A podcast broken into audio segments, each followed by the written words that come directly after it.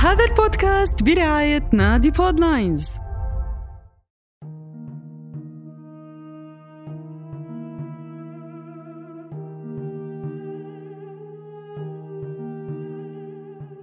أكيد أنه لغتنا العربية هي من أجمل لغات العالم وأغناها ويستحيل ما تكون تذوقت جمالها في الشعر أو شعرت بمتانتها وقوتها في الأخبار أو اكتشفت دقتها في العلوم والبحوث والدراسات أو تأثرت بعظمتها وجلالها في القرآن. شو رأيكم اليوم؟ ما نحكي عن الإعراب والشعر. شو رأيكم نعيش مع شوية قصص ونهفات حلوة صارت من زمان؟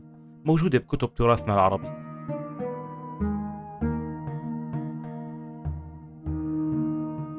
تعالوا رافقوني نبحر في جمالها ونستمتع بنوادرها وطرائفها. معي أنا مازن رابعة في هذا البودكاست برعاية نادي بودلاينز.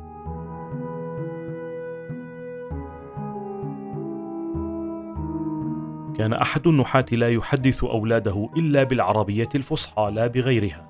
وفي يوم من الأيام طلب من إحدى بناته أن تحضر له قنينة حبر فأحضرت ابنته القنينة وخاطبته. هذه هي القنينة يا أبي بفتح القاف.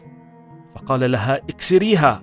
فما كان من البنت إلا أن رمت القنينة على الحائط بقوة فتناثر الحبر ملوثا الجدار وما جاوره من فرش. فقال لها يا هذه اكسري قاف القنينة كسر الله رأسك.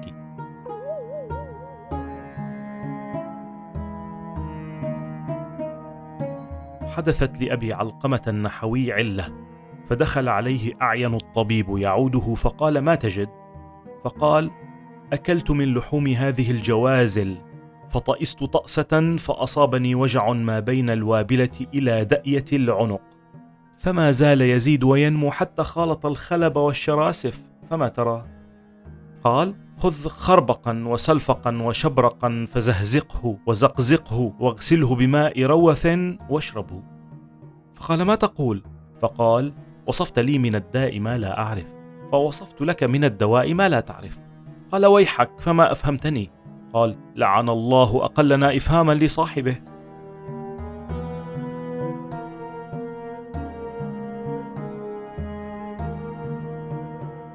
قال نحوي لرجل ما فعل فلان بحماره؟ فأجابه الرجل باعه. فصحح له النحوي وقال بل باعه. فقال الرجل فلماذا قلت أنت بحماره؟ قال النحوي الباء تجر.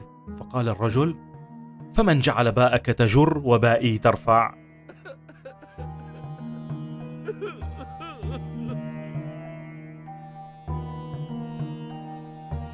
بعد أن أنهى الطالب درسه مع شيخه وأستاذه سلم عليه لينصرف وهو يقول له شيخي ادعي لي.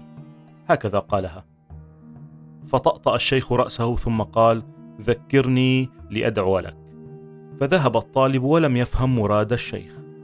وفي اليوم التالي فعل مثل ما فعل في اليوم السابق فقال له الشيخ مثل ما قال له في المرة السابقة ولم يفهم الطالب مراد شيخه. كرر ذلك عدة مرات والشيخ يكرر له نفس العبارة ذكرني لأدعو لك ولا يدعو له. حتى خرج الطالب عن صمته يوما وقال يا شيخي أنا أذكرك دائما ومع ذلك لا تدعو لي.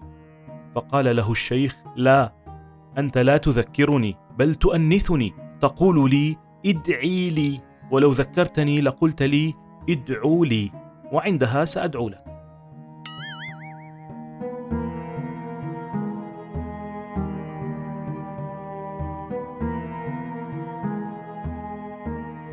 قال أحد النحاة رأيت أمام المسجد رجلا ضريرا يسأل الناس ويقول ضعيفا مسكينا فقيرا. فقلت له يا هذا؟ على ما نصبت ضعيفا مسكينا فقيرا. فقال بإضمار فعل الأمر ارحموا. قال النحوي فأخرجت كل ما معي من نقود وأعطيته إياه فرحا بما قال.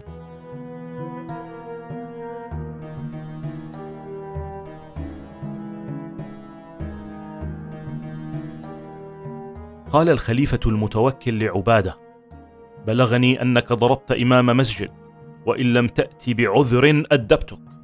قال: يا أمير المؤمنين، مررت بمسجد على صلاة الفجر فأقام المؤذن ودخلنا في الصلاة، فابتدأ الإمام بقراءة الفاتحة، وافتتح سورة البقرة. فقلت لعله يريد أن يقرأ آيات من هذه السورة. فانتهى إلى آخرها في الركعة الأولى. ثم قام إلى الثانية.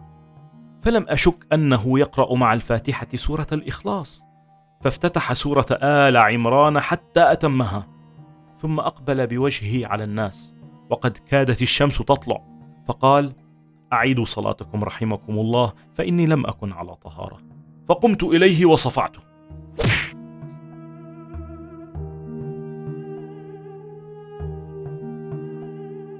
يقال أن رجلا من فارس يجيد اللغة العربية بطلاقة حتى أن العرب كانوا يسألونه عندما يحدثهم من أي قبائل العرب أنت؟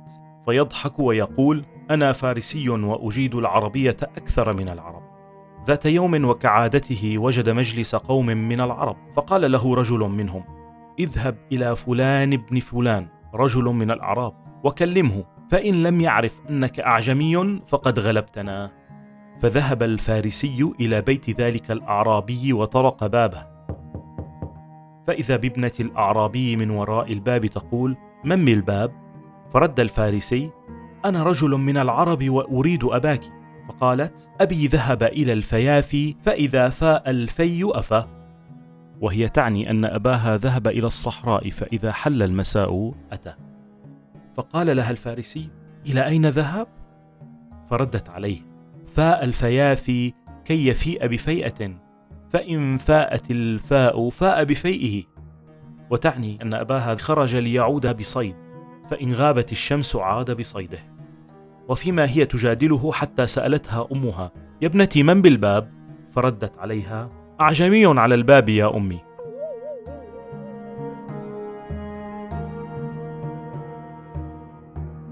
قال عثمان بن دراج الطفيلي مرت بنا جنازة يوما ومعي ابني وفي الجنازة امرأة تبكي وتقول الآن يذهبون بك إلى بيت لا فراش فيه ولا غطاء ولا وطأ ولا خبز ولا ماء. فقال ابني يا ابت إلى بيتنا والله يذهبون.